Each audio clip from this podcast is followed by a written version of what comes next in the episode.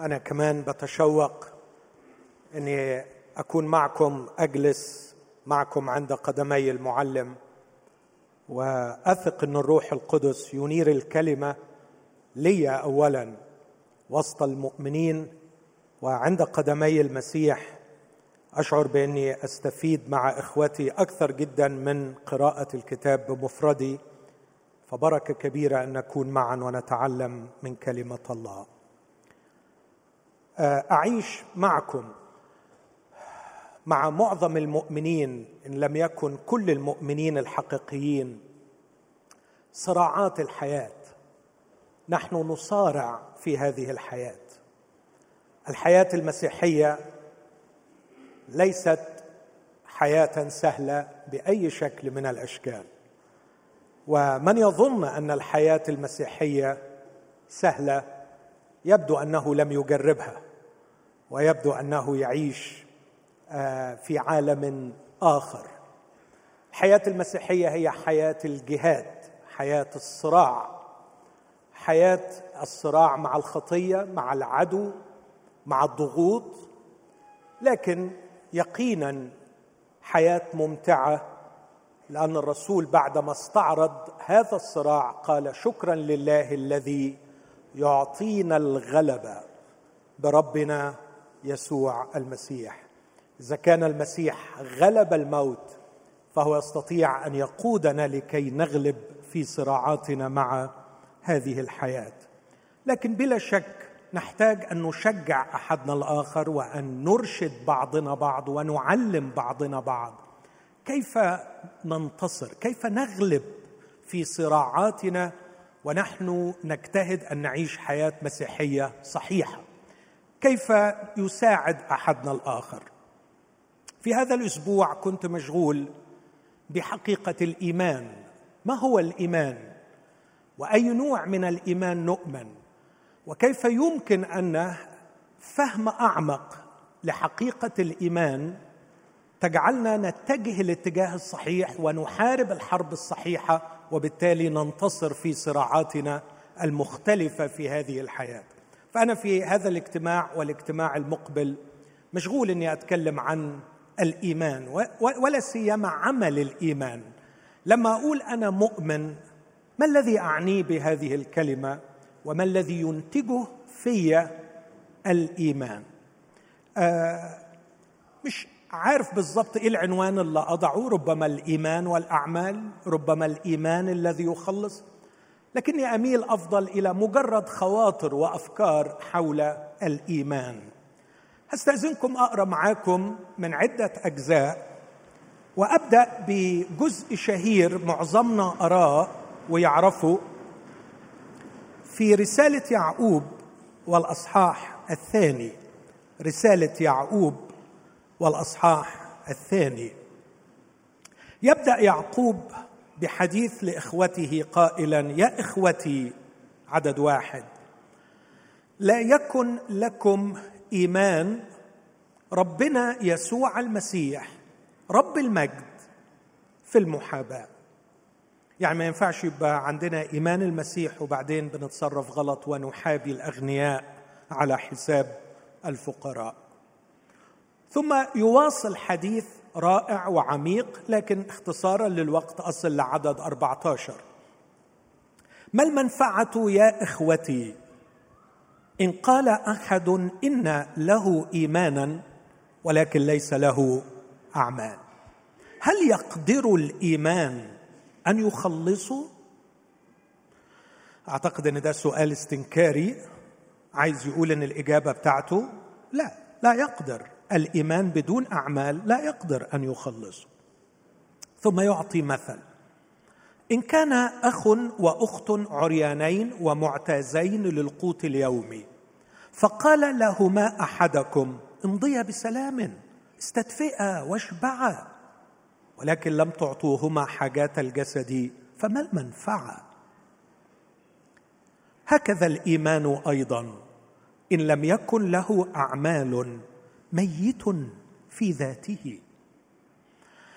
لكن العكس يقول قائل أنت لك إيمان وأنا لي أعمال. أرني إيمانك بدون أعمالك وأنا أريك باعمالي إيماني. وأنا أريك باعمالي إيماني. أنت تؤمن أن الله واحد حسنا تفعل والشياطين يؤمنون. ويقشعرون ولكن هل تريد أن تعلم أيها الإنسان الباطل أن الإيمان بدون أعمال ميت؟ ألم يتبرر إبراهيم أبونا بالأعمال إذ قدم إسحاق ابنه على المذبح؟ فترى أن الإيمان عمل مع أعماله وبالأعمال أكمل الإيمان. وتم الكتاب القائل فآمن إبراهيم بالله فحسب له برا ودعي خليل الله. ترون إذن أنه بالأعمال يتبرر الإنسان لا بالإيمان وحده. كذلك رحاب الزانية أيضا. أما تبررت بالأعمال؟ إذ قبلت الرسل وأخرجتهم في طريق آخر؟ لأنه كما أن الجسد بدون روح ميت هكذا الإيمان أيضا بدون أعمال ميت. اقرا ايات متفرقة من بعض الأماكن الأخرى رسالة العبرانيين أصحاح عشرة والأعداد الأخيرة. عبرانيين عشرة وقبل ما يدخل في أصحاح الإيمان العظيم أصحاح 11 هيأ بهذه العبارة في عدد 38 عبرانيين عشرة 38 أما البار فبالإيمان يحيى وإن ارتد لا تصر به نفسي. وأما نحن فلسنا من الارتداد للهلاك. بل من الإيمان لاقتناء النفس. يا ريت نحفظ العبارة دي. من الإيمان لاقتناء النفس. وأخيرا أقرأ من بطرس الأولى والأصحاح الأول. رسالة بطرس الرسول الأولى والأصحاح الأول. والرسول يتكلم مع إخوته المتألمين. يعدهم بأن المسيح سيأتي ثانية. وعندما يأتي المسيح ثانية سيبتهجون وسيفرحون. لكن في عدد ثمانية من بطرس الأولى واحد يقول عن المسيح الذي وإن لم تروه تحبونه. ذلك وإن كنتم لا ترونه الآن لكن تؤمنون به. وإيمانكم به ينتج فتبتهجون بفرح لا ينطق به. ومجيد ده دلوقتي مش لما يجي المسيح ده دلوقتي. بالإيمان بالمسيح الذي لا نرى نبتهج بفرح لا ينطق به. ومجيد ليه؟ ما الذي ينتج فينا الإيمان بيسوع الآن؟ عدد تسعة نحفظه مع بعض. لأننا نائلين. غاية إيمانكم. خلاص النفوس. نائلين. نعيش في حالة نوال مستمر. لأعظم بركة. هي بركة. خلاص النفوس. ثم اسمحوا لي أقرأ أيضا علشان ما احتاجش أقرأ كثير أثناء الحديث من غلطيا أصحاح اثنين والعبارات الشهيرة جدا. التي يلخص بها بولس اختباره المسيحي فيقول في أصحاح اثنين عدد 19 وهو خرج من اليهودية ومات لليهودية بعد أن صار مسيحيا فيقول لأني مت بالناموس للناموس لأحيا لله وهذا هو اختباري. مع المسيح صلبت فأحيا لا أنا بل المسيح. يحيا فيا. فما أحياه الآن في الجسد فإنما أحياه في الإيمان. تاني كلمة الإيمان. أي إيمان؟ إيمان ابن الله. اسمه كده إيمان ابن الله. ابن الله الذي أحبني وأسلم نفسه لأجلي. أحياه في الإيمان. إيمان ابن الله الذي أحبني وأسلم نفسه لأجلي. آمين. هذه هي كلمة الرب. تفضلوا.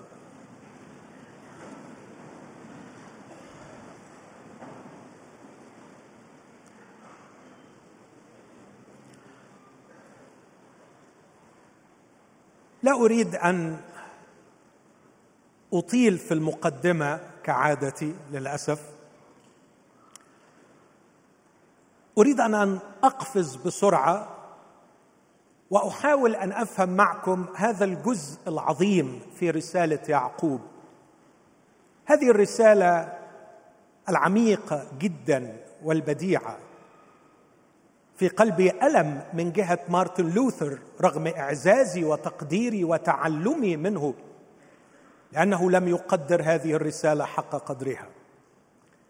لكني أتذكر واحد من الخدام في يوم من الأيام قال في اجتماع كنا عاتدين في أن ندرس رسالة يعقوب. التعبير بالبلدي بسيط.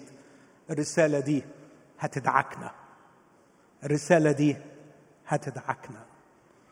عندما نريد أن نختبر صحة إيماننا وصحة حياتنا الروحية إذا أردنا ترمومتر نقيس به نقاوة حياتنا أعتقد نحتاج أن ندرس رسالة يعقوب. إنها رسالة عظيمة. وعميقة. وهي تقريبا أول رسالة كتبت في العهد الجديد. لا أريد أن أطيل في مقدمات.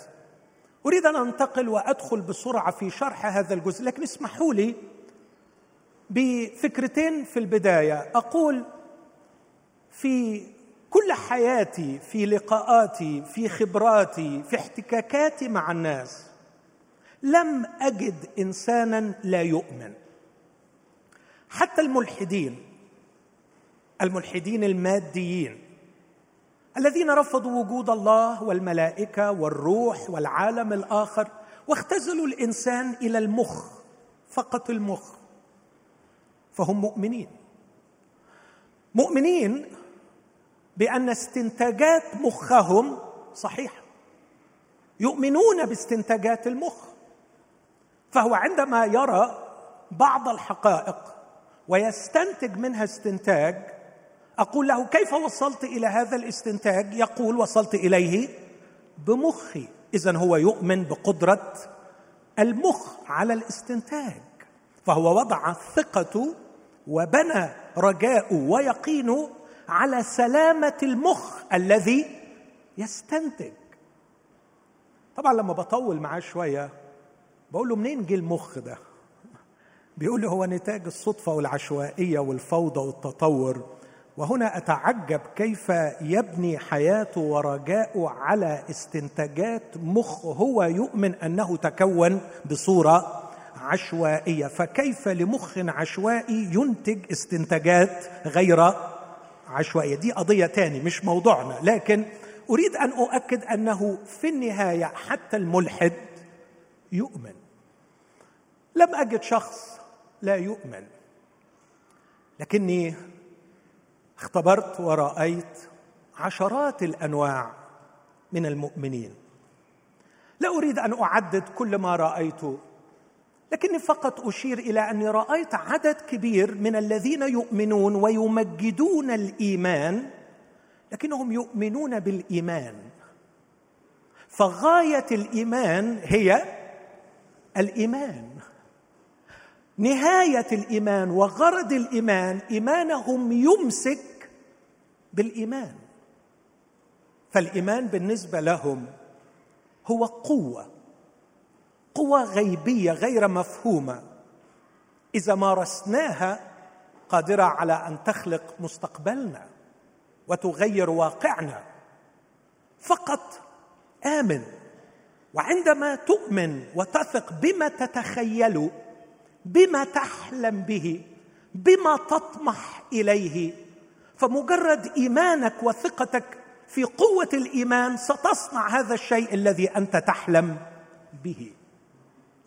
إخوتي الإيمان وسيلة بالنسبة لنا يمسك بالله لكن هؤلاء يؤمنون بالإيمان.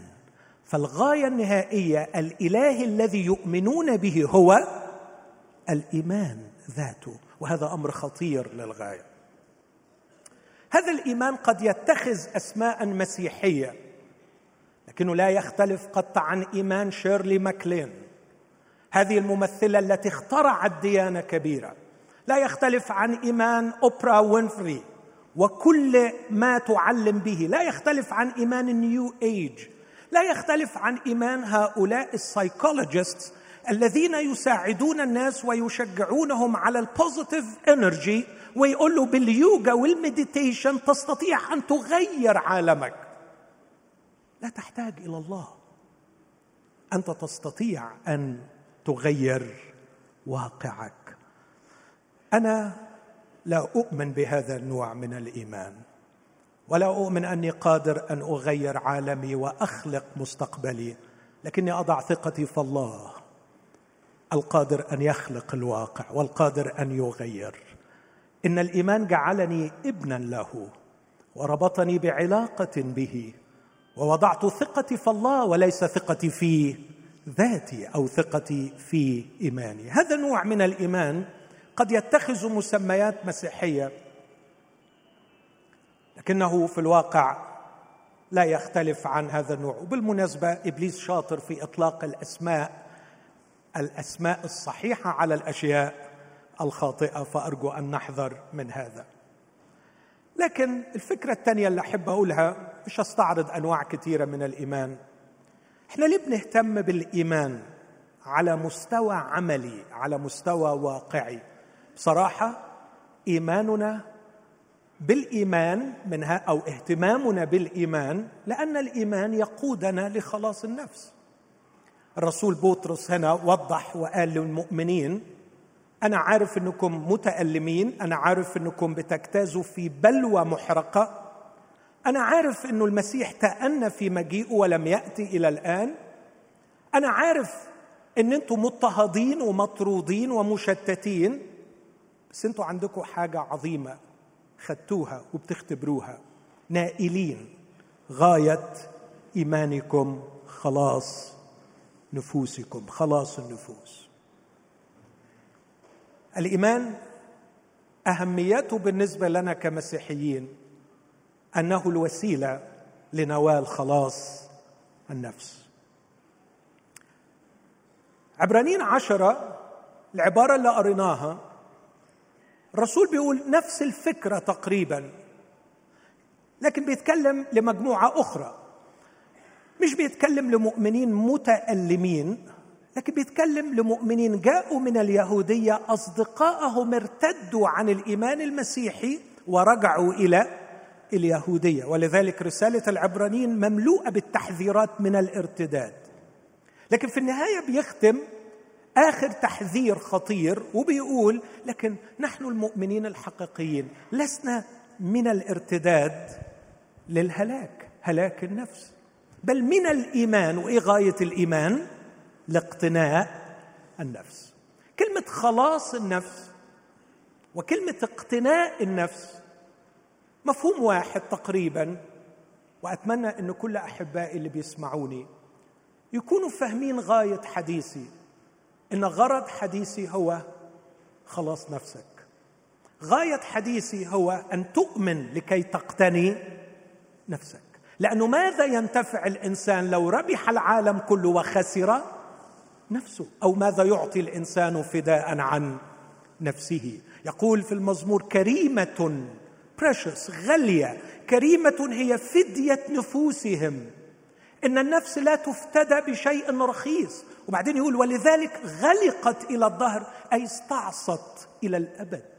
لا يستطيع أحد أن يفدي النفس. وعشان كده ما كانش ينفع يفدي النفس إلا يسوع الذي جاء وبذل نفسه ليفدينا.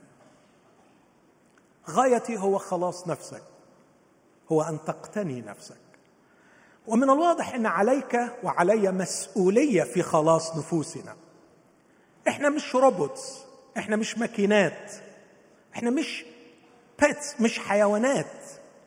الله يخلص لنا نفوسنا وإحنا نايمين أو إحنا تحت مخدر. لكن واضح أننا شركاء مع الله في خلاص نفوسنا.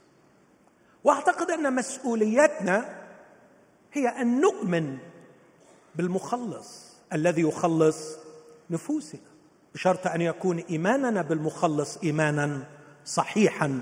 وده اللي هيخليني أتكلم عن الإيمان لأنه من الممكن شخص أن يؤمن بالمخلص إيمان غير صحيح زي اللي بيتكلم عنه يعقوب فيقول ما المنفعة يا إخوتي؟ لا يكن لكم إيمان ربنا يسوع في المحاباة. هل يقدر هذا الإيمان أن يخلصه والإجابة؟ لا. يبقى إذن من الممكن أن الشخص يؤمن بالمسيح لكن إيمانه لا يخلصه. ده أمر خطير. أكتفي بالمقدمة دي. وأرجو أنها تكون وضحت الفكرة اللي عايز أقولها. أنا حابب أتكلم عن الإيمان لأن الإيمان هو الطريق لخلاص النفس. وأنا بحب كل إنسان وبتمنى إن كل إنسان بيسمعني يقتني نفسه وينال خلاص نفسه. أصلي من أجل كل من يسمعني وأصلي من أجل نفسي. أن أخرج من هذه الحياة بأروع عطية. نائلين غاية إيمانكم خلاص النفوس. أمين؟ خلاص النفس. فلوس هنسيبها. الأجساد هنسيبها. العيال هنسيبهم. ولا مش هتسيبوهم؟ هتسيبوهم. والبيوت هنسيبها. والشهادات اللي اعتزينا بيها وعلقناها برضو هنسيبها. الشيء الوحيد الذي سنخرج به من هذا العالم هو النفس. أريد يا رب أن أخرج من الحياة بنفس خلصت. أضطر اطول المقدمة حتة صغيره تاني وما هو خلاص النفس؟ علشان مهم ما هو خلاص النفس؟ خلوني أقول فكرتين أو ثلاثة عن خلاص النفس مع إن ده مش موضوعي ده ممكن ابقى اشرحه في مره تاني مبدئيا أقول هو خلاص النفس وليس خلاص من النفس. أرجو ان ده يكون واضح. المسيحية لا تتكلم عن خلاص من النفس. البوذية تتكلم عن خلاص من النفس. وبعض التعاليم المسيحية أو مش المسيحية بعض التعاليم البوذية تحت مسميات مسيحية تدفع في اتجاه الخلاص من النفس. لكن المسيحية بالعكس يسوع مات مش عشان يخلصنا من نفسنا يسوع مات علشان يخلص نفسنا. فالنفس ثمينة. ما هو خلاص النفس؟ هو بغضتها وكراهيتها ومحاولة إهلاكها وإفنائها. بوذا كان عنده نظرية أن عذاب الإنسان وشر الإنسان يكمن في الرغبة والرغبة تكمن في النفس. فإذا أردنا أن نتخلص من الشر والألم والعذاب علينا أن نتخلص من الرغبة ولكي نتخلص من الرغبة لابد أن نتخلص من النفس. ورسم لأحبائه طريق جهاد طويل يقودهم في النهاية للتخلص من النفس. بس الشيء المخيف اللي لما دخل التعليم ده المسيحية من غير ما ياخد اسمه الحقيقي عمل خلطة بينه وبين المسيحية. فالمسيحية إنك لما تمشي في السكة دي وتفني وتهري وتهلك وتتخلص من نفسك تروح السماء. دي حتة مسيحية. لكن في البوذية تروح للنيرفانا والنيرفانا تو بي nothing. يعني تبقى ولا شيء. وده وده مقنع. لأنك لما تتخلص من الشيء تصبح لا شيء. فده ماشي مع بعضه لكن للأسف لما تاخد وترقع وتفصل تفصيلة مش مظبوطة آه، بيبقى الخلطة مفضوحة. الدنيا معقدة مش كده؟ معقدة الدنيا. على فكرة هي معقدة واللي يقول لك إنها مش معقدة بيضحك عليك. لأنه أسوأ شيء في الحياة إنك تحاول تبسط الأمور وتخليها بسيطة فتتخدع. وعلى فكرة كل اللي اتخدعوا واتضحك عليهم على مر العصور لأنهم كانوا بيبسطوا الأمور. فأرجوكم احذروا من التبسيط الذي يؤدي للهلاك. لا المسيحية بتقول الله بيحبك باسمك بيحبك باسمك. فنفسك هي أنت. أنت بخصالك بصفاتك بمشاكلك بعقدك بجيناتك بتفردك بمواهبك بضعفاتك أنت. نفسك هي انت انت اللي ما فيش منك اتنين مش بقول لك كده علشان تتغر. لكن الواقع إن الله لم ينتج انتاجا كميا. لكن عدد النفوس يتكلم الكتاب عن عدد النفوس عن عدد أسماء النفوس. يدعو خرافه الخاصة بأسماء. كل واحد باسمه. دعوتك باسمه. أنت النفس غالية يريد أن يخلصها. الخلاص في المسيحية هو خلاص النفس وليس الخلاص من النفس. الفكرة الثانية الخلاص في المسيحية ليس الخلاص من الجحيم لكن الخلاص من الخطية. ودي قضية واحد يقول لي يعني إيه؟ يعني مش هنخلص من الجحيم؟ أقول لك شغل مخك أكتر شوية أكيد اللي هيخلص بالخطية هيخلص. by default يعني كده على طول ما هو package على بعضه. يعني هو إيه اللي بيودي الجحيم؟ الخطية. إذا أنت خلصت من الخطية خلصت من الجحيم. فمش هنناقش دي يبقى عبث إن إحنا نناقشها. طب وإيه الخطر إنه أبقى بخلص من الجحيم مش بخلص من الخطيه إنه للأسف لو اطمنت إنك خلصان من الجحيم ممكن تقعد تعيش في الخطيه وتقول إن أنا خلصان وأنت خلصان عليك أنت مش خلصان خالص. لو أنت لسه عايش في الخطيه لأنه الخلاص في المفهوم المسيحي هو خلاص من الخطيه ودي واحدة من أكبر أكاذيب إبليس اللي نجح فيها ولا سيما في الأوساط البروتستانتية إنه زحلق لنا الخلاص من الحاضر للمستقبل وجعله بركة مستقبلية أنه في النهاية لما نموت ننال الخلاص. لا. رسول بطرس بيقول إحنا بننال الخلاص هنا نائلين. مش سننال يا أحبائي. نائلين. هللويا. نائلين. وحطها في صورة مضارع مستمر. لقد نلت وأنال وسأنال وسأعيش كل يوم من أيامي متحمسا لأن كل يوم سيضيف إلي المزيد من خلاص النفس. وهذه هي أعظم عطية في الحياة. سأتحمل الألم سأتحمل الضغط سأتحمل الضيق. سأجاهد وأصارع إن كانت البركة العظمى كنتيجة للجهاد والصراع والألم هي خلاص النفس. الكتاب يعدني أني بارتباطي بيسوع المسيح. أنال. أعظم عطية. خلاص نفوسكم. خلاص النفوس من الخطيه لا أريد أن أضيع وقتا في الإثبات لكن أعتقد إنه أي قارئ للعهد الجديد لو دخلت بس في أول مدخل العهد الجديد في اول صفحة في صفحات العهد الجديد في إنجيل متى لما بيبشر الملاك يوسف خطيب مريم بيقول له ما تخافش إنك تاخذ مريم امرأتك لأن الذي حبل به هو من الروح القدس فستلد ابنا وتسميه يسوع لأنه يخلص شعبه من مش من الجحيم من خطاياهم مش من الجحيم من خطاياهم يس بنخلص من الدينونة. بس ليه بنخلص من الدينونة؟ عشان خلصنا من الخطية. لا شيء من الدينونة الآن على الذين هم في المسيح يسوع. كمل الآيات. لأن الله إذ أرسل ابنه في شبه جسد الخطية ولأجل الخطية دان الخطية. خلاص دان الخطية في الجسد. دانها في يسوع المسيح. عشان كده لا شيء من الدينونة علينا لأن الخطية اللي بتاعتنا أدينت في المسيح. خلاصنا هو خلاص من الخطية. لو رحت اللوقا نفس الكلام في يعني برضه تاني بيؤكد الملاك وهو بيبشر الرعاة.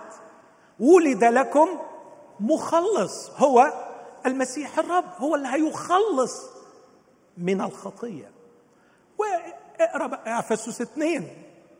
بالنعمة أنتم مخلصون بالإيمان وذلك ليس منكم. لما تقرأ الباراجراف كله خلاص من الخطيه ما هي الخطيه اللي بنخلص منها؟ الخطيه هي تشوه النفس. الخطيه هي تفكك النفس. هي تحلل النفس. هي فساد النفس. هي خفة النفس. هي إفراغ النفس من مضمونها ومضمونها هو إنسانيتي. عندما تفرغ نفسي من إنسانيتي فأنا أعرف الفيروس الذي يفعل هذه الفعلة الشنعاء إنه فيروس الخطية. لقد ولدت والخطية في أعماقي وفي كياني والخطية أراها كل يوم. تفكك وتحلل وتفتت وتفسد وتشوه نفسي. فتهرب مني إنسانيتي. يأتي يسوع المخلص الذي أحبني وأسلم نفسه لأجلي ويتوحد معي في أوحال خطيتي ليخرجني من الخطية. فيخرج نفسي ويضمدها ويجمعها وينقذها. ويقيمها ويسترجع لها شكلها ويملأها من جديد بالإنسانية. يدفق في يوما وراء الآخر إنسانيتي لأنه يرجعني لنبع الإنسانية يرجعني للعلاقة مع من قال نعمل الإنسان على صورتنا. يسوع حبيبي ومخلصي صالحني مع الله ففتح كياني لتدفق الإنسانية من نبعها الذي هو الله. وهكذا يقودني في هذه الرحلة طول العمر. فأنا تلميذ ليسوع لم آخذ هذه العطية وأجري لكني أتبعه كل يوم. أعيش رحلة الخلاص. أعيش رحلة الخلاص. فأصير يوما وراء الآخر إنسان أكثر إنسانية. أصبح إنسان. أتخلص من حيوانيتي. أتخلص من وحشيتي. أتخلص من أنانيتي. أتخلص من شيطانيتي. إذ أريد أن أمتص الآخرين. أصبح أكثر شبها باله الذي خلقت على صورته فياضا. أفيض على الآخرين. عندما يقترب مني شخص يحاول أن يمتصني أرى روحا شيطانية. عندما أرى شخصا يدور حول ذاته فهذه هي الأنانية. عندما أرى شخصا يبطش بالآخرين دون وعي فهذه هي الحيوانية. لكني لم أخلق لكي أكون انانيا أو شيطانا أو حيوانا. خلقت لكي أكون انسانا. لكني فقدت إنسانيتي. ليس بسبب المجتمع ليس بسبب نظام التعليم ليس بسبب النظام السياسي. لقد فقدت انسانيتي بسبب الخطية. وأحتاج إلى مخلص. وبطرس في شهادته يقول وليس بأحد غيره الخلاص لأنه ليس اسم آخر. تحت السماء قد أعطي بين الناس به ينبغي أن نخلص. رجائي وصلاتي إنك تغير مفهومك تغيري مفهومك عن يسوع المخلص. يسوع المخلص مخلص نفوس. يسوع المخلص مخلص نفوس. شغلته يخلص نفوس. مش شغلته يسلكك في مجمع التحرير ولا يفك لك الزنقة دي ولا أكيد أكيد في نعمته ورحمته أحيانا بيعمل الحاجات دي بس هو تخصصه الرئيسي هو خلاص. النفوس. فلما ترتبط بيسوع تبقى عارف انت عايز إيه منه بالظبط. لست ترتبط بقوة عظيمة مسيطرة على الكون تسهل لك أعمالك وتحقق لك رغباتك وتنجز لك أحلامك وطموحاتك. مش ده يسوع ده جني علاء الدين اللي بيعمل كده. لكن يسوع حاجة تانية خالص. يسوع لمن يريد أن يسترجعوا إنسانيتهم. اسمع العبارة مرة تاني. من الإيمان لاقتناء لقد ضاعت. لقد ضاعت مني نفسي. قابلت ستات كتير في السن متقدم تقول لي ما لقيتش روحي. معرفش ما أعرفش أنا مين وعايشة ليه وبعمل إيه. قابلت رجالة كتير في اكتئاب عنيف مش لاقي نفسه. يسوع جاء إلينا مخلص للنفس. من الإيمان لاقتناء النفس. نائلين غاية إيمانكم خلاص النفوس. لكن الخطية عملت من في حاجة تانية. الخطية مش بس فتتتني وفككتني وخلتني أفقد إنسانيتي خلتني أفقد الغرض الذي خلقت من أجله فأنا تشوهت من جوه وضعت من بره مش عارف أنا عايش ليه. فعلا الناس مش عارفة هي عايشة ليه. تعرف قابلت آلاف الناس في حياتي من كل المستويات. تعرف بيعيش يعمل إيه؟ بيعمل اللي المجتمع قال له اعمل بس خلاص. ما يعملش حاجة أكتر من كده. المجتمع بيقول اتعلم بيتعلم. المجتمع بيقول اتجوز بيتجوز. المجتمع بيقول خلف بيخلف. المجتمع بيقول له هاجر بيهاجر. الثقافة المحيطة بتقول له تجيب بيجيب. هو ما بيعملش غير اللي بيمليه هو مسكين هو مقهور هو منتج مجتمعي. يسوع يقول لك لا. اطلع بره اطلع بره اطلع بره فين؟ اتبعني. اخرج من أرضك ومن عشيرتك ومن بيت أبيك. طب هتوديني فين؟ تمشي ورايا. طب هتعمل مني إيه؟ مالكش دعوة تثق فيا. الحكاية دي من أربعة آلاف سنة. عدت أربعة آلاف سنة لم تخلو صفحة من صفحات التاريخ من اسم إبراهيم لأنه بالإيمان لما دعي أطاع. فخرج وهو لا يعلم إلى أين يأتي يأتي مش يزل إلى أين يأتي؟ لأنه كان بيجي للرب كان بيمشي ورا الرب مش قال له روح لا.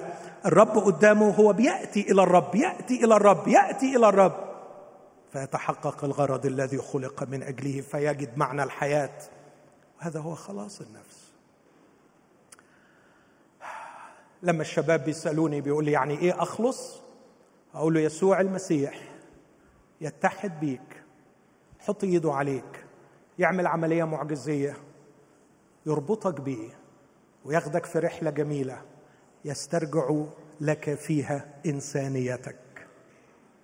ويسترجع لك الغرض الذي من أجله قد خلقت. فتبقى من جوه إنسان ومن بره تتجه نحو الغرض. بولس يقول أسعى نحو الغرض. ففي النهاية تكون إنسانا وتكون نفسك. تكون إنسان وتكون نفسك. يوم ما أغلق عيني ولا افتحها هنا في الأرض يوم أودع هذا الجسد هذا هو حلمي النهائي. أن النفس التي تكونت وعاشت في هذا الجسد تكون قد عادت إليها إنسانيتها وقد حققت الغرض الذي من أجله وجدت في هذا الجسد. إخوتي الأحباء أي حاجة غير كده هي هباء. هو هلاك. هو هلاك. أي حاجة غير كده إيه قيمتها؟ إيه قيمتها؟ أي حاجة غير إنه لما تحط في الصندوق تكون نفسي قد استعادت صورتها وقد حققت غرضها. عندئذ أقول أن تلك النفس التي خرجت من الجسد قد خلصت. قد خلصت. لأنها قبل أن تخرج من الجسد. صار إنسانا وحقق غرض وجوده على الأرض. هذا الطرح الذي أطرحه يستحيل أن الإنسان يحققه بنفسه. لا توجد فلسفة تزعم أنها قادرة أن تقدم للإنسان هذا. هقول تاني وأنا مستعد أدافع عن هذا ساعات. لا توجد فلسفة بالليل في اجتماع الشباب هقدم للشباب فكرة قريبة من كده لأنه كنت بشوف واحد من أحاديث في التيد توكس حاجة واحد ملحد بيقولها بيقول لا إحنا ممكن بدون ربنا يكون في معنى للحياة. فأنا جهزت رد على الطرح بتاعه ده هقوله للشباب. لكن اللي عايز أقوله لا توجد فلسفة تستطيع أن تقدم للإنسان خلاص النفس كما شرحت ولا يستطيع الإنسان أن يخلص نفسه. سبب بسيط لو فكرت فيها انت ضحيه تشوهك فكيف تكون الضحية والطبيب في نفس الوقت؟ ده أنت من جوه فسدان وخربان ولو ما قلتش كده تبقى مش دريان تبقى مخدوع. أنت تصارع كل يوم. أنت محتاج حد يلمك من جوه. محتاج حد يرفعك على اللي فيك. محتاج حد يطلعك. يعني عاملة زي واحد بيحط إيديه تحت رجليه وعايز يشيل روحه. حاول تتخيل الشخص ده حاول تتخيل كده. واحد حاطط إيديه تحت رجليه وعايز ارفع. ما انت التقل ما انت المصيبة. كيف تخلص نفسك؟ لا تستطيع. لكن إذا جاء رجل الإنقاذ من على الشاطئ الآخر وعبر إلي وأنا غريق في حمأة خطيتي ومد يد لي وقال ثق في أنا أحبك. أنا يسوع. أنا مستعد أن أخلصك. هذا هو الحل الوحيد. يسوع مخلص. لكن من الجانب الآخر كيف تعرف الغرض الذي خلقت من اجله وأنت مش عارف نفسك من جوه وملكش أي سلطان على مستقبلك؟ الغرض في المستقبل أنا لا أفهم المستقبل ولا أتوقع المستقبل ولا أستطيع اطلاقا أن أعرف ما هي مفاجآت المستقبل. فكيف أتصور غرضا معينا في هذه الحياة وأسعى نحوه إني أحتاج إلى من هو خارج الزمن فوق الزمن يستطيع أن يرى الماضي والحاضر والمستقبل. عشان كده يسوع بس هو المخلص من الخطيه تصوروا إن أنا لسه في المقدمة. الله يكون في عونكم. بس أنا بحكي معاكم. يعني مش ضروري أخلص وعظه يعني. هذا الخلاص هو خلاص النفس وليس خلاص من النفس. هذا الخلاص هو خلاص من الخطية وليس من الجحيم. وأكيد طبعا النفس اللي هتخلص من الخطية هتروح فين في الآخر؟ مع حبيبها. مع حبيبها اللي توحدت بيه وارتبطت بيه. هذا الخلاص هو خلاص حاضر وليس خلاصا مستقبلي. يعني مش عايشين على رجاء إن شاء الله إن شاء الله لما هيجي ربنا إن شاء الله يطلع نصيبنا مع الأبرار ولما يعمل التقسيمة بتاعته ويجيب كوم يمين وكوم شمال إن شاء الله نكون من أهل اليمين وربنا يعني يفتح علينا كده ونلاقي حظنا حلو وطلعنا من أهل اليمين ولا يبقى في ميزان وبعدين يبص لك في النوتة بتاعتك ويشوف حسناتك قد إيه وسي... يعني كلام بصراحة خلاص النفس في الإيمان المسيحي هو بركة حاضرة أعيشها. الذي خلصنا ودعانا دعوة مقدسة. لا بمقتضى أعمالنا بل بمقتضى القصد والنعمة. هللويا خلاص أعيشه كل يوم. خلاص أعيشه كل يوم. كنت بكتب الأسبوع اللي فات عن زكريا واليصابات الملاك جاي بيقول له لا تخف يا زكريا. صلاتك قد سمعت. مبروك عليك. يتهيألي زكريا هرش في راسه وقال له صلاة إيه؟ مش أنت صليت زمان؟ مش أنت صليت وقلت لربنا إنك عايز ولد؟ قال له أنت لسه فاكر؟ ده أنا نسيت الموضوع ده من زمان. قال له لا خلاص خبر حلو مراتك هتحبل. قال له تحبل؟ هنضحك على بعض. قال لي صبات شاخت خلاص مفيش الكلام ده. قال له لا لا لا هتحبل وهتجيب ولد. ومش أي ولد. ده ما حدش اتولد من النساء أعظم منه. نسي زكريا صلاة ولم ينسى الله. فقد زكريا إيمانه ولم يفقد الله أمانته. بس ال ال أنا كاتب المقالة مش عشان أقول كده لكن كاتب المقالة بقول طب في هذه الفترة فترة الصمت الإلهي ماذا حدث في زكريا وأليصابات قد حدثت فيهم أعظم الأمور. لقد كانت نفوسهم تخلص. تعرف الكتاب يقول عنهم إيه؟ كان كلاهما بارين سالكين في جميع وصايا الرب وأحكامه بلا لم. وقعوا في غرام الرب. وقعوا في غرام بعض.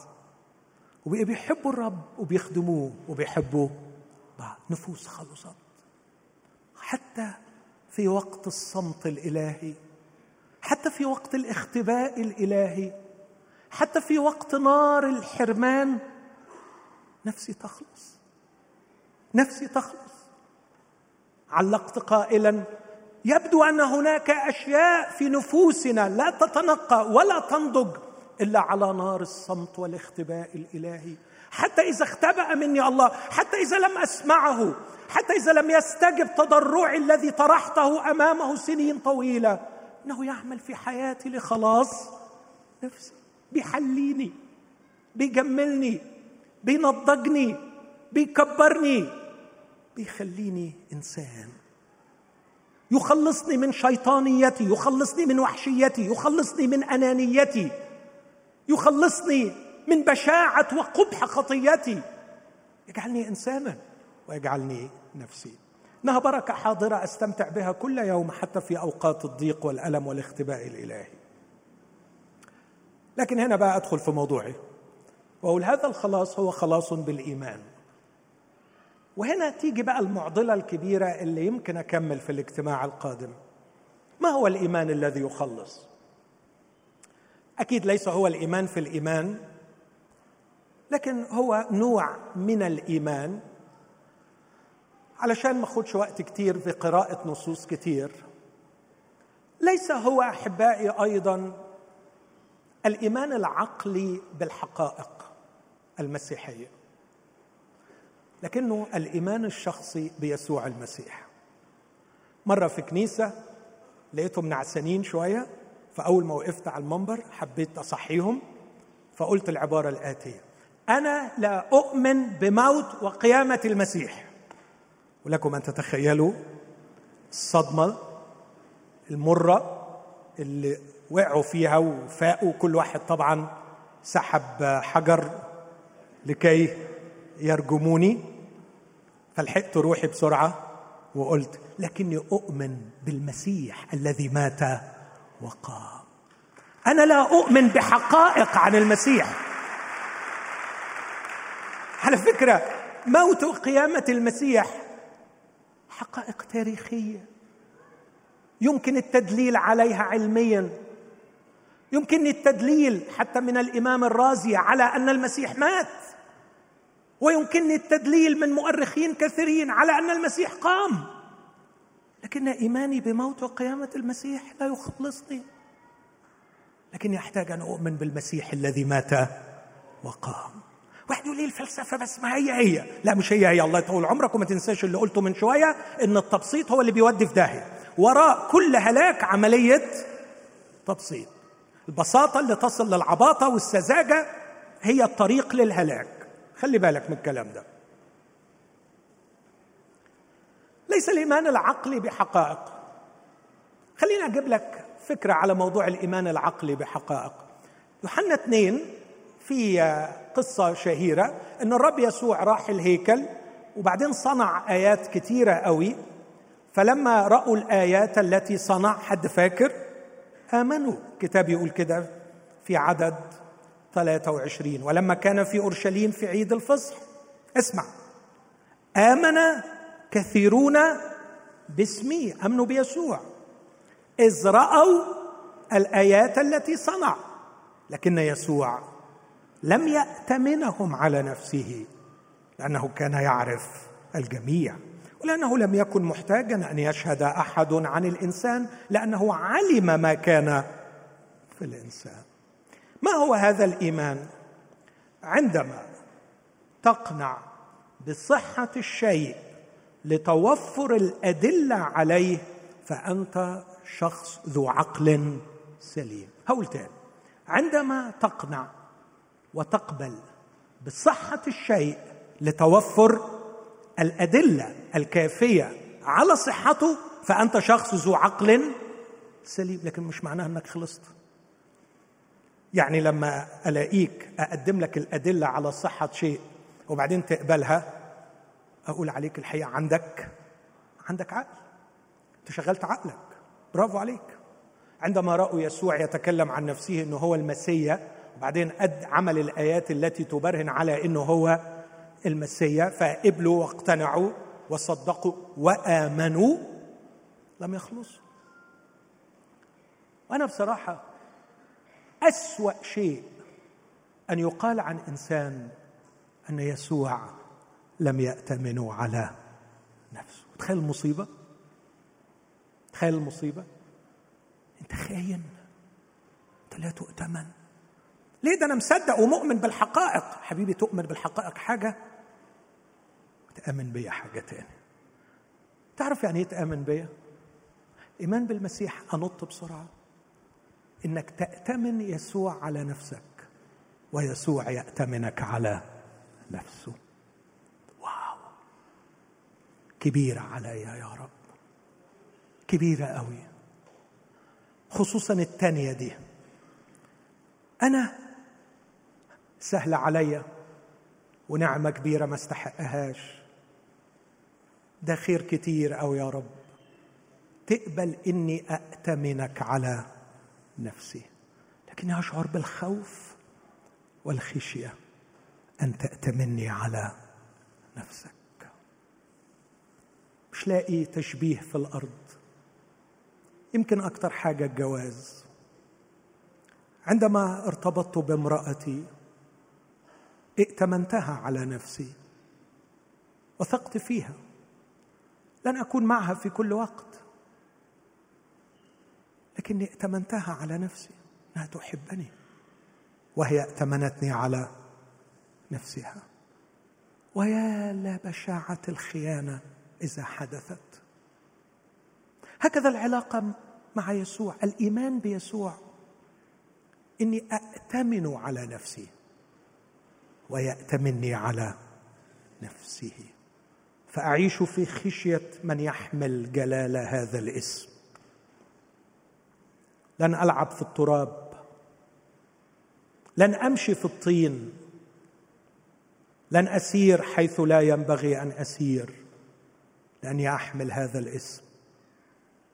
لن أتكلم بما لا يليق. لن أفعل شيئا واحدا يهين الاسم المجيد. لا أستطيع أن أتحمل نظرات عينيه وهو ينظر إلي بعتاب قائلا أنك خنت الأمانة. خنتني. لقد ائتمنتك على نفسي يا ماهر لكنك لم تكن امينا. آه يا رب هذا أشد ما أرتعب منه أن أخونك ولا أكون امينا عليك. أنا لا أشك ابدا أنك ستظل امينا من نحوي. عندما ائتمنتك على نفسي عندما وضعت ثقتي ورجائي فيك أن تخلصني سأظل إلى الأبد أشهد مع كل قديسيك أنك تبقى امينا لا تقدر أن تنكر نفسك. لكن أشد ما أخشاه هو أني لا أكون امينا. هذا هو مفهوم الإيمان في المسيحية إنها رحلة عجيبة جدا يحدث فيها امتزاج بين الخاطي وبين يسوع المسيح. خدتوا بالكم بولس بيقول إيه الفرق بين المسيحية واليهودية؟ في المسيحيه في اليهودية كان مرتبطا بناموس كان مرتبط بلستة حلال وحرام. من أسبوع كنت قاعد مع شخص بيقول إنه مؤمن وأنا الحقيقة مش قادر أحس. فكنت عايز أسأله هو أنت بناء على إيه بتقول إنك مؤمن؟ بس طبعا خجلت أقول له كده يعني. لكن حاولت أفهم إيه مفهومه للإيمان. ولقيته إنه بيخاف؟ بيقول بخاف ربنا. عظيم. يعني إيه بتخافوا يعني ببعد عن الغلط وبعمل الصح. يعني في لا في محرمات الواحد ما يقربش منها. وفي حاجات كويسة الواحد هي هو ده الإيمان بالله. هو ده الإيمان بالله. أعتقد إنه في دوائر كثيرة من المسيحية إذا قال شخص أن إيماني بالله هو إن أبعد عن الغلط وأعمل الصح وأطيع الوصايا هيقولوا له اللهم قوي إيمانك يا أخي ده أنت حاجة جميلة قوي. ويمكن البعض يقول له خدنا على جناحك و... وافتكرنا. عارفين ال... بس أنا رديت عليه قلت له على فكرة أنا في مرة في أمريكا رحت اشتريت من محل حاجات وبعدين رجعت الحاجة فلما رجعوا لي الفلوس فوجئت بعد كده إنهم لي زيادة. وكنت أياميها مش فاضي فبعد أسبوع رجعت تاني للمحل علشان أرجع الفلوس. فالست وهي بتاخد مني الفلوس ابتسمت ابتسامة عريضة وقالت لي karma's good karma's good الكارما كويسة. عارفين إيه الكارما؟ مش قناة الكارما. لكن الهنود وكل الفلسفات الشرقية تؤمن أنه يوجد قانون في نسيج هذا الكون اسمه الكارما الكرمة سوف تعاقب من يخطئ وستكافئ من يفعل الصواب من يصيب. هناك قانون في هذا الكون اسمه الكرمة فالناس بتطيع الكرمة عايز أقول لك عايز أقول لك من كل قلبي إن في بوذيين وفي فلسفات شرقية كتير بتمتنع عن الخطأ وبتعمل الصواب أحسن منك مليون مرة. أحسن منك مليون مرة. أعرف أزواج وزوجات بسبب الكرمة بسبب هذا القانون الأخلاقي بسبب خوفهم من هذا القانون وطمعهم في مكافأة هذا القانون. ما بيخونوش بعض ابدا بيحتفظوا بأجسادهم طاهرة بسبب الكرمة. فكونك بتؤمن بالله وتقول ان إيماني بالله خلاني ما أعملش الغلط وأعمل الصواب هذا لا يكفي.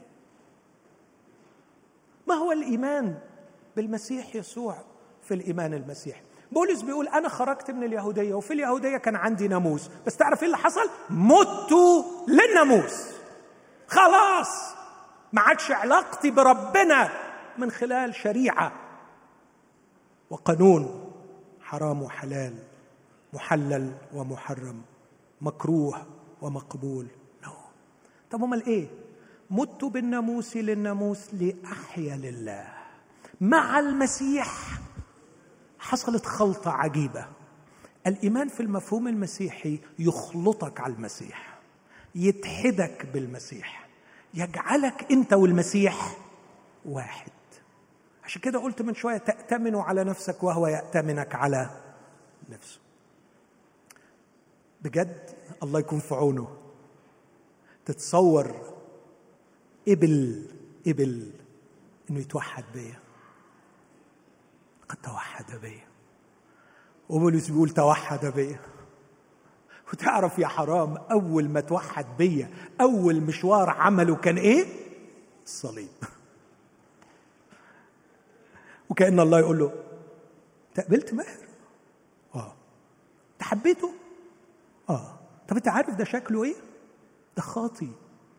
ده عليه ديون متلتلة. ده فسدان وخربان.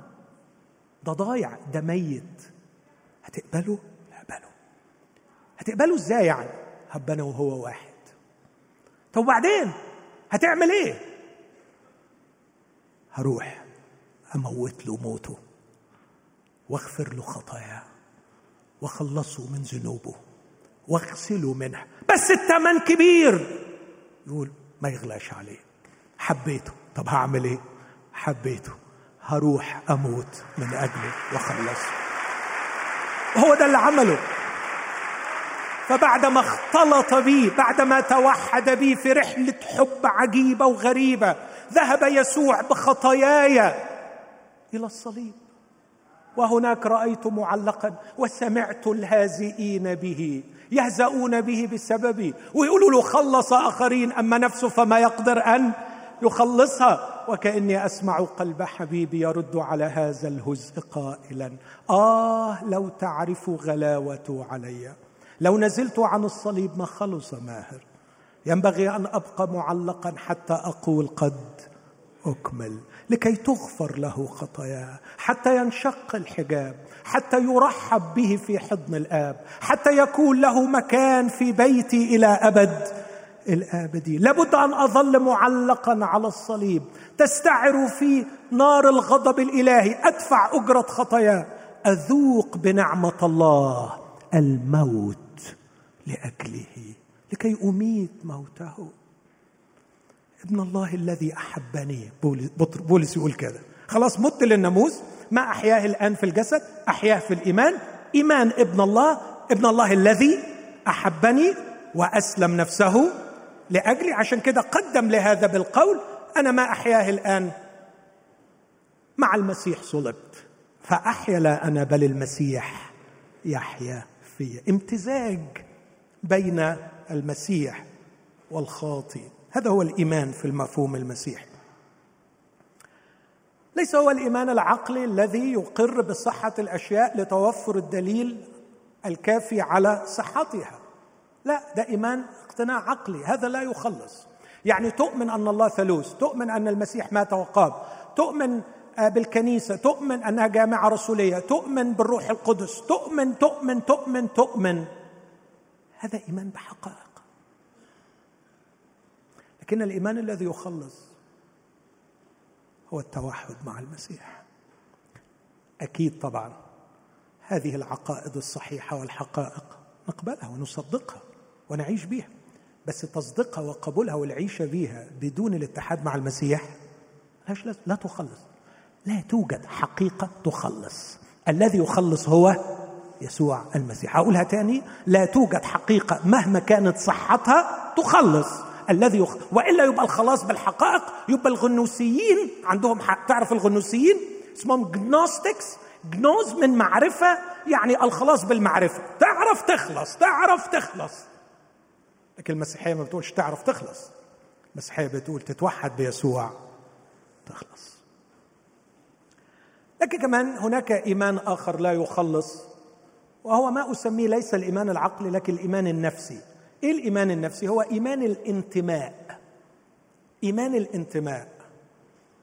واحدة من اللي بيسموها ال vital needs الاحتياجات الأساسية جدا للإنسان الانتماء.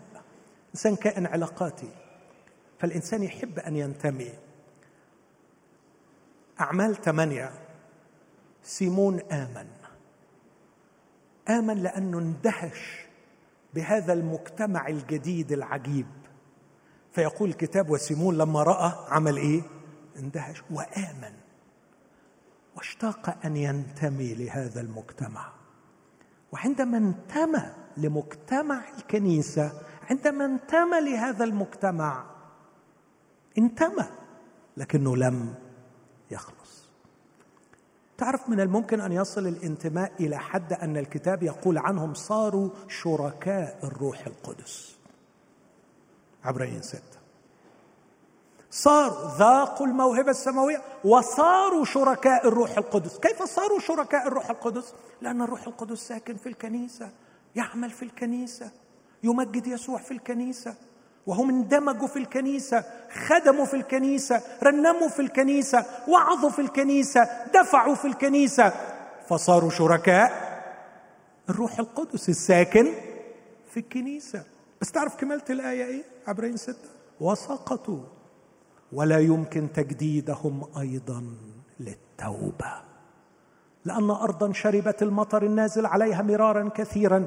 وانتجا عشبا صالحا للذين فلحت من أجلهم تنال بركة من الله. لكن إن انتجت شوكا وحسكا فهي قريبة من اللعنة ونهايتها الحريق. سيمون آمن لكن بطرس يقول له أراك في مرارة المر ورباط الظلم. يعني إيه رباط الظلم؟ يعني ستيل أنت مرتبط بالإثم. أنت ما زلت مرتبط بالإثم. لكن الإيمان الذي يخلص ليس هو هذا الإيمان الذي يقبل بصحة الحقائق لتوفر الدليل عليها وليس هو الإيمان الذي يجذبني للانتماء بمجموعة من المؤمنين لإعجابي بهذه المجموعة ورغبتي في إشباع احتياجي للانتماء بها لكنه هو انتماء ليسوع المسيح. أكيد ده جملة اعتراضية مهمة توضيحية للي فات كله. عشان أحبائي اللي بيحاولوا يلاقوا أي كلمة استنتجوا منها استنتاجات خاطئة. أكيد إيماني بالمسيح يقودني لقبول الحقائق الخاصة به صح؟ أكيد. وأكيد إيماني بالمسيح يقودني للانتماء إلى كنيسة. أكيد. أقول تاني؟ ولا أنتم خلاص يعني إيماني بالمسيح يقودني للقبول واقتناع وإيمان وإقرار وشهادة بالحقائق الخاصة بالمسيح. وأكيد انتمائي بالمسيح يقودني للانتماء إلى كنيسة المسيح. لكن الانتماء للحقائق والارتباط بالحقائق والاقتناع بالحقائق والانتماء للكنيسة لا يخلص الإنسان. ما هي علامات الإيمان الذي يخلص؟ اللي بقى تقول عنه وحدني مع المسيح. الحقيقة هنا بقى يقدم يعقوب تحفته الرائعة. أعمال اثنين اللي هنتكلم عنها آه عفوا يعقوب اثنين هنتكلم عنها في الاجتماع القادم. لكن بس أقول عنها أربع دقائق إنه إيمان يعمل. يعقوب قال إنه إيمان القول إن قال أحد. إيمان القول لا يخلص ولا يبرر. لو بصيت معايا في هذا النص العظيم ذكر الكلمتين دول لا خلاص ولا تبرير لإيمان القول في عدد 14 ما المنفعة يا إخوتي؟ إن قال أحد إن له إيمانا ولكن ليس له أعمال. هل يقدر الإيمان أي إيمان هذا؟ الإيمان الذي ليس له أعمال. لا يقدر هذا الإيمان أن يخلصه لا يقدر أن يخلصه يبقى اذا الإيمان الذي له أعمال هو الذي يقدر أن يخلص. يبقى الإيمان الذي يخلص اللي وحدني مع يسوع المسيح أول علامة وأهم علامة إن إيمان له أعمال. إيمان القول لا يخلص. لكن كمان يقول إنه لا يبرر في عدد 21 ألم يتبرر إبراهيم أبونا بالأعمال إذ قدم إسحاق ابنه على المذبح؟ بيتبرر بالأعمال. هقول إيه بقى في الأربع دقائق الجايين هم كانوا أربعة من من من دقيقتين. بس هيفضلوا أربعة شوية معانا يعني. البعض بيتصور ركز معايا في آخر نقطة دي مهمة. إنه إيمان وأعمال. بس الحقيقة لما تقرأ بتدقيق من ضمن الحاجات العظيمة قال وأنا أريك بأعمالي إيماني. فالإيمان والأعمال حاجة واحدة. الإيمان الحقيقي تلقائيا بديهيا بدون نقاش هو إيمان يعمل. هو إيمان يعمل. فالأعمال ليست شيء والإيمان شيء وناس تمشي في سكة الأعمال وناس تمشي في سكة الإيمان. لا. الإيمان الذي لا يعمل ليس إيمانا حيا ليس إيمانا حقيقيا ليس الإيمان اللي يخلص. والأعمال لوحدها لا تخلص. الإيمان هو الذي يخلص. ويعقوب نفسه لو ترجع لأول مجمع في الكنيسة يقول كده بطرس ويعقوب يصادق على ما قاله بطرس أن الله طهر بالإيمان قلوبهم عن الأمم.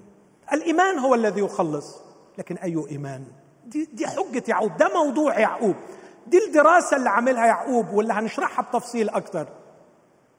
مش اتنين مش حاجتين لكن جذر وثمرة أصل وفرع شيء داخلي وشيء خارجي. نبع وإنتاج النبع. هي مياه فائضة مياه فائضة من نبع داخلي. إن فيضان مياه نبع الإيمان أعمال. أقولها تاني. إن الأعمال هي فيضان مياه نبع الإيمان. فعندما ينبع الإيمان في القلب ينبع أعمال. خلي بالك اللي جاية دي بقى أهم من كل اللي فات. أعمال الإيمان ملهاش دعوة بالأعمال الصالحة. صدمة دي. بس ربنا يحفظكم ما تخافوش. هوضحه أكثر في الاجتماع الجاي. يعقوب جاب سيرة الأعمال الصالحة؟ اطلاقا. لكن بيتكلم عن أعمال إيه؟ الإيمان. إيه بقى أعمال الإيمان اللي جابها لنا كمثال؟ قال لك واحد يذبح ابنه. ده عمل صالح؟ قولوا لي بصراحة كده. ده عمل لا أخلاقي لا مؤاخذة. طب وعمل الإيمان الثاني؟ واحدة خبت جاسوسين ده عمل صالح؟ يرضيكم الكلام الفارغ ده؟ لا ما تقولش كلام فارغ خلي بالك. ما توافقنيش على دي. بس عايز أميز وعايز أقول إنه في الديانات البشرية ومنها المسيحية الإسمية في الديانات البشرية يسنون للناس مجموعة من الأعمال.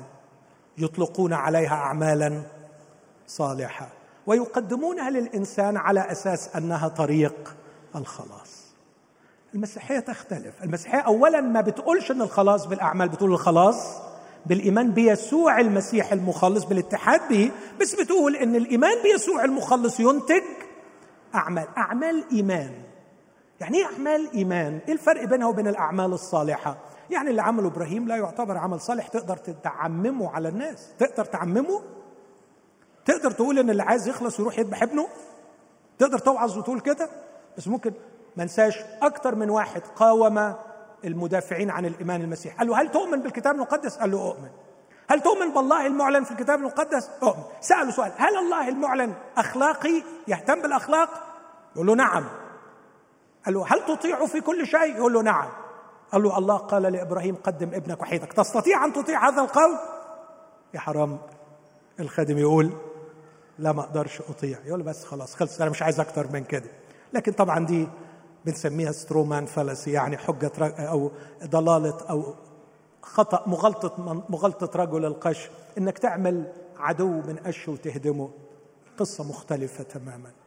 إيه اللي عايز يقوله هنا؟ عايز يقول إنك لو عايز تقيس صحة إيمان فعلا وريني العمل اللي نتج عن هذا الإيمان. ما فيش إيمان ملهوش إيمان حقيقي ملهوش لازم لازم لازم يترجم إلى عمل.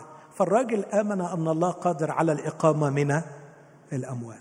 وفي ظرف خاص الله قال له قدم ابنك وكان عنده إيمان أنه بإسحاق يدعى له نسل فكان واثقا. فالفكرة مش إنه هذا الإيمان هو الذي خلص إبراهيم. الفكرة أنه إيمان إبراهيم كان إيمان حي لأنه كان بيترجم إلى عمل. فلما ربنا تحداه إبراهيم وأنا أقدر أقوم من الموت؟ تقدر. طب روح اذبح ابنك. ماذا عن رحاب؟ هذا العمل الذي عملته عمل غريب. لكن هشرحه بأكثر تفصيل في الاجتماع القادم. إن ايمانها بالله غير القصة التي تعيش فيها وحتى يعقوب كان مبدع مبدع. ما يقولش أخفت الجاسوسين لكن يقول قبلت الرسل. دول إيه؟ دول مش جواسيس دول رسل مين؟ رسل الإله الذي آمنت به. لقد تغيرت القصة التي تعيش فيها. وكفت عن خطيتها وفسادها وآمنت أن هذا الإله القدوس سيقضي على هذه البلاد. وقالت للرسلين سمعنا خبركم فذابت قلوبنا. وعلمت أن الرب أعطاكم الأرض. أريد أن أنتمي إليكم وأكون منكم. إني آمنت بهذا الإله. أعطياني علامة أني لا أهلك مع العصاة. لقد خرجت من العصاة. تغيرت القصة وكان إخفائها للرسولين علامة تصديق إنها صدق الكلام ده. الإيمان الحقيقي له عمل حتى لو كان إيمان فاسد. يعني الراجل اللي بيروح يفجر نفسه بيعمل عمل مبني على إيمان إنه بس هيفجر نفسه من هنا هيلاقي روحه في الجنة. الراجل ده إيمانه حي. بس مش إيمانه حي بيسوع المسيح لكن إيمانه حي بحاجة تانية. واخدين بالكم الفكرة اللي يعقوب عايز يقولها؟ عايز يقول إنه ناس كتير بتقول لكن إيمانها ميت لأنه لا يترجم إلى عمل. الإيمان بيسوع المخلص يترجم إلى عمل. أوعدكم إنه الأصح هيكون ممتع جدا. وهنشوف إيه هو إيمان الشياطين. بيقول الشياطين أيضا يؤمنون ويقشعرون. وهتكلم عن الإيمان اللي اشعر والإيمان اللي يكذب والإيمان الحي والإيمان الميت. وأعتقد أن الرب سيقدم لنا ويقدم لي ما أحتاج إليه معكم في هذا الجزء العظيم. أرجو أن نقف جميعا وإحنا بنختم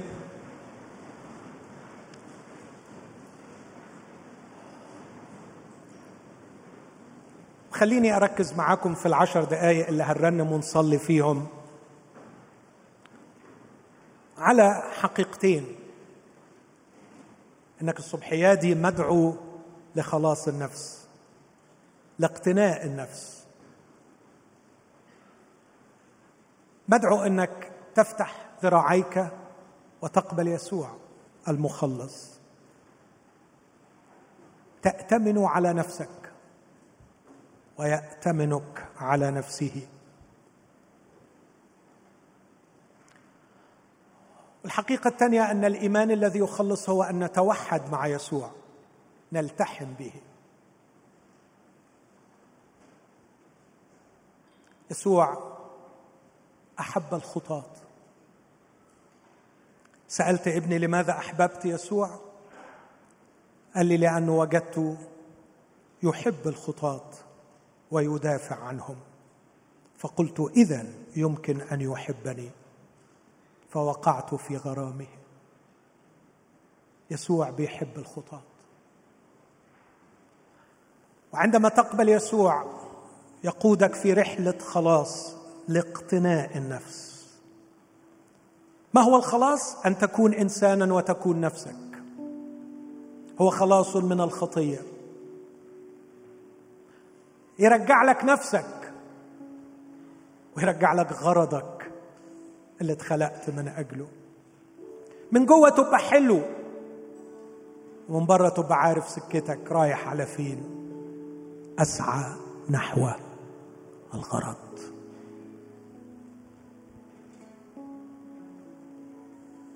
لم يرضك أن أبقى حزينا. أحببتني ربي قبل التكوين. أتبعك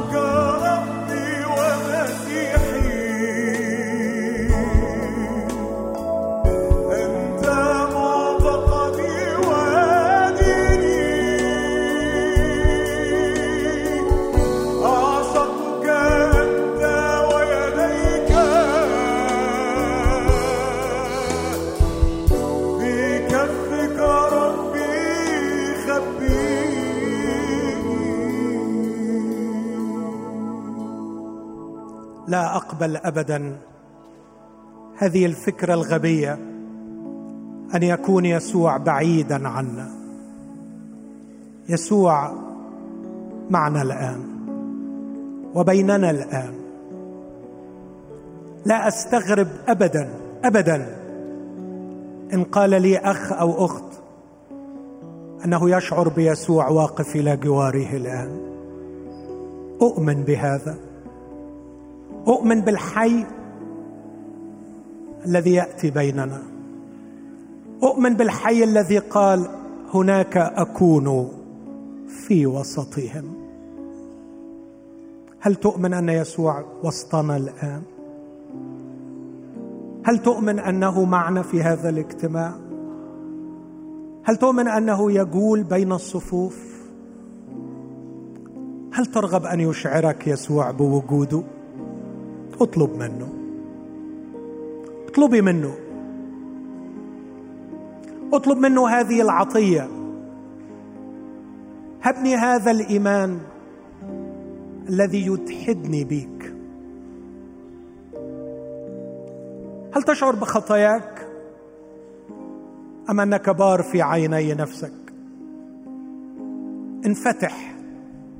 انفتح ليسوع. انفتح. انفتح. آه ما أبشع النفس المغلقة على فسادها. تتحلل. تهلك. حتى تصل إلى الهلاك الأبدي. وتطرح في بحيرة النار. وهذا هو الموت الثاني. لكن الفرصة مفتوحة ومتاحة اليوم. يدخل يسوع إلى نفسك ويخلصك. يطلق مشروع الخلاص. تأتمن يسوع على نفسك وتقبل مسؤولية أن يأتمنك يسوع على نفسه. وتصير مسيحيا حقيقيا في هذا الصباح. أقدم الدعوة لكل شخص موجود. اقبل يسوع المخلص. انفتح له وافرح به. وابتهج بهذا المحبوب الذي مات من أجلنا. يمكن اليوم يكون يومك. يومك. تغني هذا هو اليوم الذي صنعه الرب.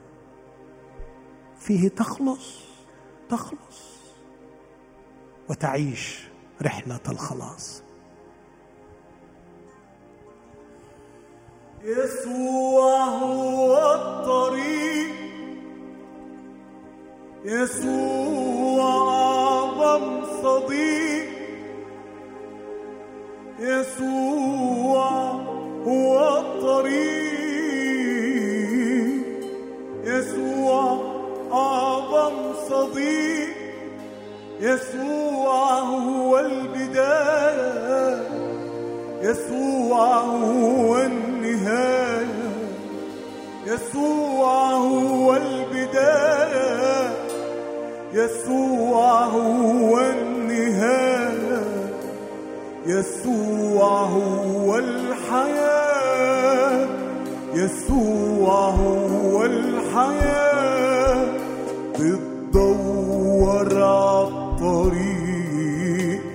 زمان مليان بضيق بتدور عالطريق